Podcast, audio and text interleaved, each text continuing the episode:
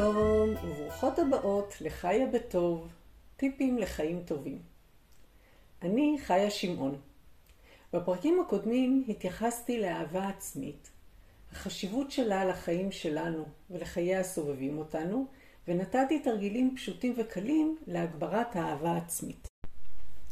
היום אתייחס לנושא הביקורת בכלל ולביקורת העצמית בפרט, לביטויים שאנו משתמשות בהן בחיי היומיום ויוצרים אצלנו התנגדות, ולסיום אתן תרגילים לזיהוי ושחרור הביקורת ושינוי הביטויים. מוכנות? מתחילות. כשחשבתי על המילה ביקורת, רציתי לדעת מה הפירוש המילולי שלה. ניגשתי למילון אבן שושן, וראיתי שיש כמה פירושים למילה. פירוש אחד זה בחינה ובדיקה. עוד פירוש, הערכה שלילית מתוך ראיית חולשות ופגמים. נראה לי שבחיי היומיום שלנו, כשאנו מבקרות, אנו מיישמות את המובן השני. כלומר, ביקורת נתפסת כדבר שלילי, ואנו מתייחסות לחולשות ופגמים.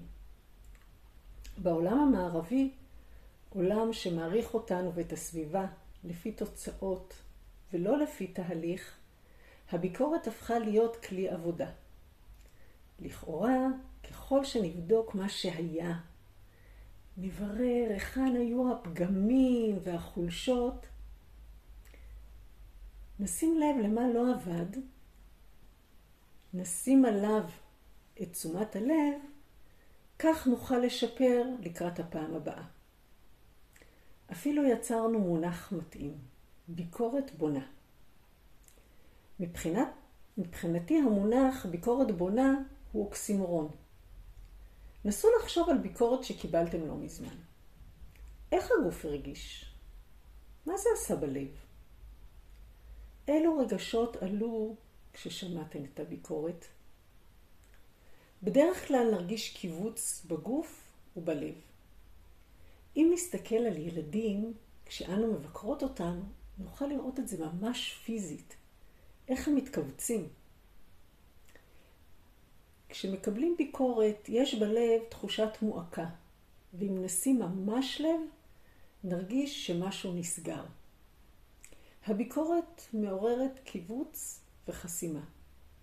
הרגשות שעולים במצב הזה הם רגשות של אשמה, פחד או בושה. כשהביקורת היא חלק מחיי היומיום שלנו, הפעולות שלנו ייגזרו מהמחשבה עליה. יכול להיות שלא נעשה פעולה מסוימת כי נפחד מהביקורת. יכול להיות שנוריד את הרף, נסתפק בבינוני, כדי שלא נגיע למצב של כישלון. תחושת הכישלון היא נגזרת של הביקורת ושל חיים תלויי תוצאה. בחיים כאלה, השגת התוצאה היא הצלחה, ואי השגתה היא כישלון. אין בכלל הסתכלות על הדרך שאנו עושות בתהליך של ביצוע המשימה. אין התייחסות לדברים שלמדנו, לדברים ששיפרנו בתהליך. ההסתכלות היא נקודתית על התוצאה. מאוד קשה להעז, לנסות דברים חדשים, להתנסות בלא ידוע, להיכנס ללא נודע, כשאנו פועלות מתוך פחד. אתגר נוסף ולא פחות משמעותי הוא הביקורת שאנו מבקרות את עצמנו. ועם יד על הלב, אנו המבקרות הקשוחות ביותר שלנו. כדי להאיר את הנקודה הזאת, מזמינה אותך לתרגיל. השלימי את המשפט, נמאס לי שאני, או אני צריכה לתקן. בכל פעם השלימי את המשפט במשהו אחר. זה יכול להיות משהו כמו, נמאס לי שאני לא מצליחה להתמיד בדיאטה. נמאס לי שאני ביקורתית. אני צריכה להיות יותר סובלנית. אני צריכה להיות מסודרת יותר. השלימי כמה משפטים שקופצים לך לראש. את יכולה לרשום או לחשוב בראש. אם מתאים לך, הפסיקי את ההקלטה, רשמי או חשבי, והמשיכי. איך את מרגישה כשאת קוראת את המשפטים שכתבת? מתארת לעצמי שזה לא הרגשה משמחת. בהסכת הראשון ביקשתי שתכיני רשימה של דברים שאת ממש טובה בהם. אם רשמת את הרשימה, איזו רשימה הייתה לך יותר קלה לרשום? לרוב הרבה יותר קל לנו לרשום את הרשימה הנוכחית, כי אנו מתורגלות להסתכל על מה לשפר ולקחת כמובן מאליו את מה שאנו טובות בו. כשאנו מבקרות, אנו בעצם מסתכלות על החסר, שמות עליו את הזרקור. הביקורת מגיעה בתחפושת של דפוס חשיבה שרוצה לשפר. לכאורה, אנו רואות את מה שצריך לשפר.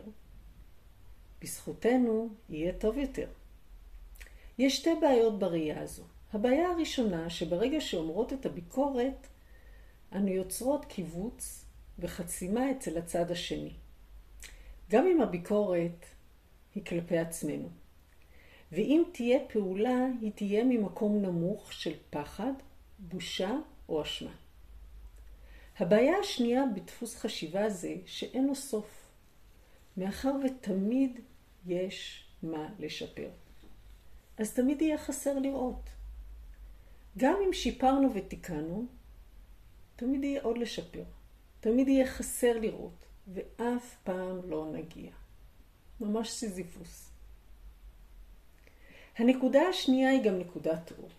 כשאנו מבינות שאף פעם לא נגיע, תמיד יש מקום לשפר. יש אפילו יופי בכך שתמיד יש לאן לצמוח.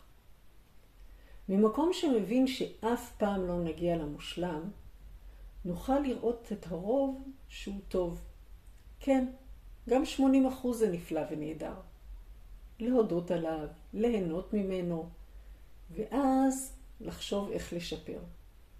השיפור שמגיע מהמקום שרואה את היש יהיה קל לביצוע, ממקום שמח וטוב, ויחזיק לאורך זמן. בחיים אנו מקבלות ביקורת, מבקרות אחרים, אך הביקורת המשמעותית ביותר היא הביקורת שלנו כלפי עצמנו. כדי לראות את התחכום של המבקרת הפנימית, מזמינה אותך לעוד תרגול.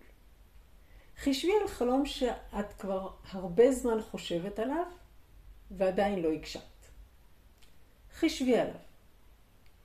דמייני איך ירגיש כשתגשימי אותו. עכשיו, מבקשת שתרשמי חמש סיבות למה עדיין לא רלוונטי להגשים אותו. את יכולה לעצור את ההקלטה, לחשוב או לרשום, ואז להמשיך.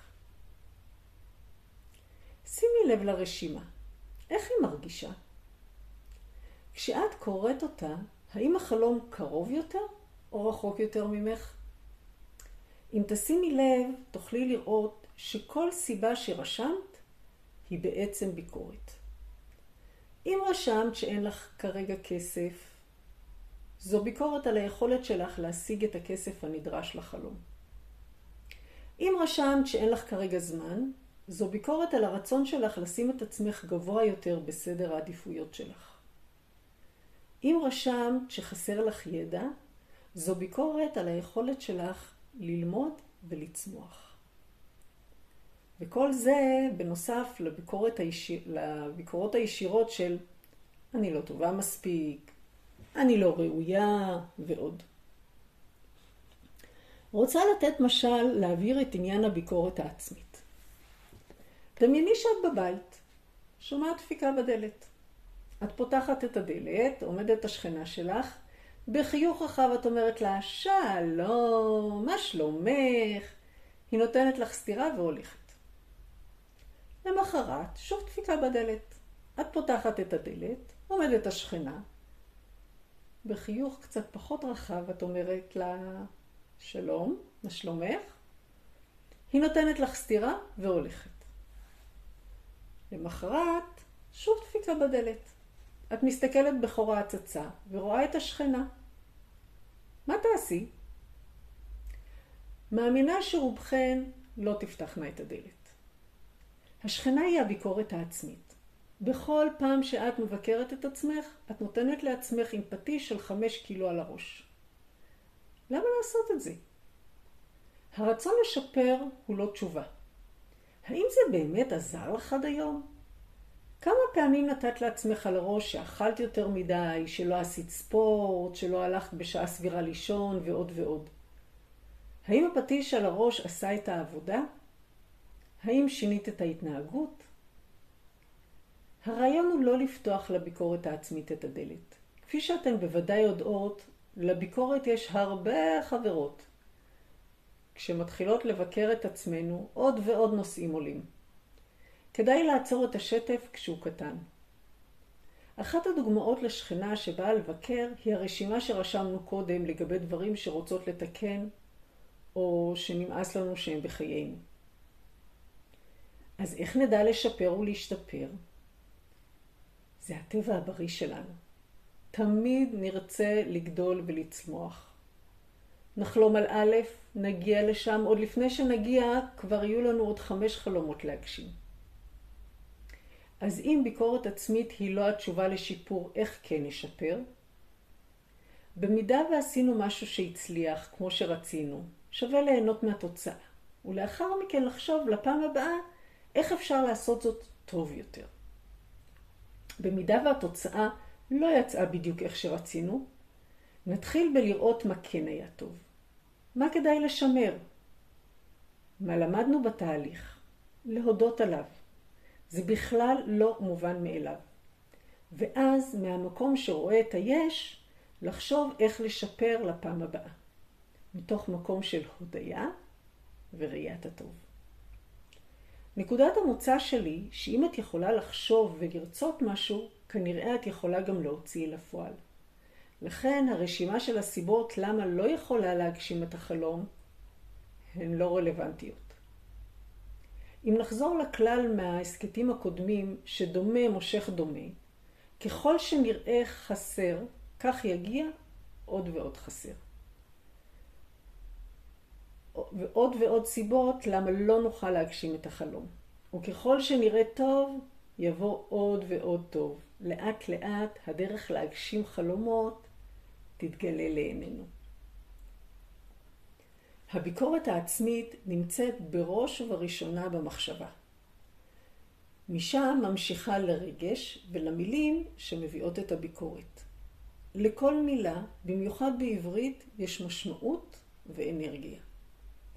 דוגמה לכך תוכלי לראות במשפטים שרשמת על דברים שאת רוצה לתקן בך. כשאת רוצה לתקן, בהגדרה יש משהו מקולקל. לתפיסתי, אנחנו לא מקולקלות, ולכן לא צריך לתקן שום דבר. אנחנו נפלאות בדיוק כפי שאנחנו. אם רוצות לשנות, כדאי להתייחס לכך כשיפור. כלומר, עכשיו טוב, אך רוצה שיהיה יותר טוב. אנו תמיד בצמיחה, ותמיד אפשר לעשות טוב יותר. וכשהעשייה מגיעה ממקום שלם, אוהב ורך, השיפור יהיה משמעותי יותר, קל יותר, ויחזיק לאורך זמן.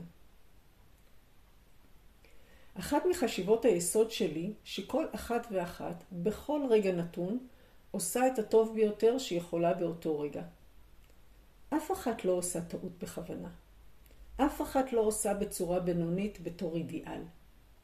כנראה באותו רגע זה מה שיכולת.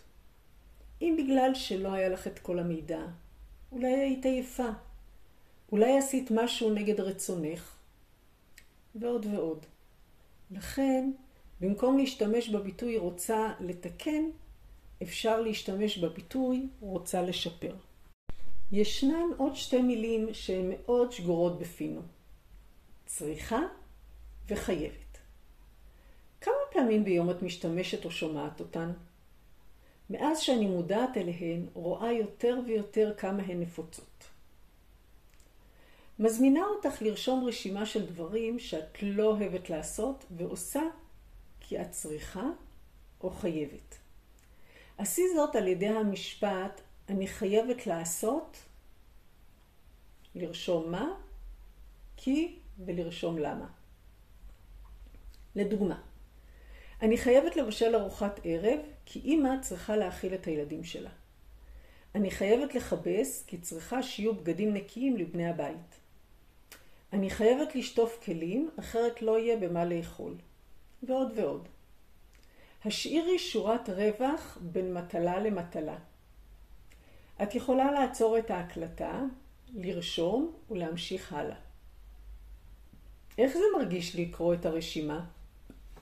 צריכה וחייבת אלו מילים שאין בהם בחירה. זו לא בקשה, זו דרישה. הנשמה האוטומטית יוצרת התנגדות, גם אם מי שהחליטה שאת צריכה וחייבת זו את עצמך. כשאנו עושות מטלות שאנו צריכות, אנו עושות אותן מכורח ולא מתוך בחירה. כבני אדם, יש לנו צורך בסיסי בבחירה. כשהבחירה נשללת, אנו מגיבות כמו שמגיבים כלפי עריצות, גם אם העריצות הזו היא שלנו כלפי עצמנו. לרוב המטלה תיעשה בחוסר חשק, תגזול מאיתנו הרבה זמן, ונרגיש מותשות בסוף היום, שלא להגיד פראייריות. אז מה אפשר לעשות? אם נרצה לעשות שינוי בדרך לכיוון הטוב שלנו, חשוב שהשינוי יהיה מתוך כבוד וחמלה לעצמנו, ולא מתוך שנאה עצמית, אשמה או בושה. אם ניקח את הרשימה שרשמתם קודם, מתחת לכל מטלה שרשמתם, השארתם שורה ריקה. מזמינה אתכם לרשום מתחת את המשפט ולהשלים. אני בוחרת לעשות, לרשום את המטלה, כי, ולרשום סיבה. אם אתייחס לדוגמאות שרשמתי למעלה, אני אכתוב, אני בוחרת לבשל ארוחת ערב, כי אוהבת את האוכל שמבשלת, ושמחה שיודעת שהילדים אוכלים אוכל מזין וטוב. אני בוחרת לכבס, כי אוהבת שיש בגדים נקיים בארון, רכים ונעימים עם ריחות של מרכך ונוזל כביסה שאוהבת. אני בוחרת לשטוף כלים, כי אוהבת שהכיור ריק ונקי, שיש כלים נקיים זמינים ובמקום מתי שרוצה. עשי כך עם כל מטלה שרשמת. את יכולה לעצור את ההקלטה, לרשום ואז להמשיך. איך המטלות מרגישות לך עכשיו? שני דברים יכולים לקרות עכשיו עם המטלות. האחד, שתוכלי לבצע אותן ממקום בוחר, שמח ומבין למה עושה אותן, או שתחליטי שאת מפסיקה לעשות את המטלות כי לא מתאים לך. אם חשוב לך שהמטלה תיעשה בכל זאת, אפשר לבצע את המטלות על ידי העברת המטלה לאדם אחר, או על ידי האצלת סמכות, או שכירת אדם שיעשה אותה, או לוותר על העשייה בכלל. כדאי לשים לב למילים שמשתמשות, לאפשר לעצמנו בחירה בכל רגע. מזמינה אתכן לשים לב כמה פעמים ביום אתן אומרות צריכה וחייבת. כמה אנרגיה מושקעת בעשייה שהיא בהתנגדות, מול עשייה שהיא מתוך שמחה ובחירה. דיברתי היום על הביקורת בכלל וביקורת עצמית בפרט. ביקורת רואה את החסר, היא גורמת לקיבוץ וחסימה, ושיפור מהמקום הזה הוא שיפור מתוך אשמה פחד או בושה. הוא קשה ולא יחזיק לאורך זמן. לעומת זאת, אם נראה את הטוב שקיים, נהנה ממנו, נודה עליו, נעריך אותו, ואז נחשוב איך אפשר לעשות טוב יותר, השינוי יגיע ממקום של אהבה, יהיה קל יותר ויחזיק לאורך זמן. התייחסתי למילים צריכה וחייבת ששגורים בפינו, מילים שאין בהם בחירה, גורמים לקיבוץ וחסימה, ולרוב יהיה קשה לבצע את המשימה, ואם נבצע אותה, היא תגזול אנרגיה, ובסופה לא תהיה תחושה של סיפוק. מזמינה אותנו לשים לב למילים ולבחור מילים שמאפשרות בחירה, כן, גם כשאנו מבקשות מעצמנו. לסיום אציע שני תרגילים לזיהוי הביקורת העצמית ושחרורה ושימוש במילים מאפשרות. הראשון, שימי לב בכל פעם שאת מבקרת את עצמך. עצרי. נסי להבין מתוך חמלה ואהבה למה פעלת כך. אם נתייחס לדוגמאות שאמרתי קודם, אם אכלת מעבר למה שתכננת, חשבי למה אכלת. היית משועממת, עייפה, עצבנית. רק תשימי לב, בלי אשמה ובלי ביקורת. בפעם הבאה, אם שוב יעלה הרצון לאכול כשאת לא רעבה, שימי לב, אם את עייפה, נסי ללכת לישון ולנוח. אם את משועממת, מצאי לך משהו אחר כיפי לעשות. ואם את עצבנית, מצאי לעצמך דרך אחרת לשחרר את הכעס. אז מה בעצם יכולה לעשות? בכל פעם שאת מרגישה שעולה ביקורת, חישבי מה היית עונה לחברה טובה שלך אם היא הייתה באה עם הביקורת הזו כלפי עצמה? מה היית אומרת לה? באותה אהבה וחמלה, דברי עם עצמך. התרגיל השני, שימי לב השבוע כמה פעמים את משתמשת בביטויים צריכה וחייבת. נסי להמיר אותם במילים שמאפשרות בחירה. בהצלחה. זהו להפעם. המשך שבוע נפלא. כאן חיה שמעון. שלום ולהתראות.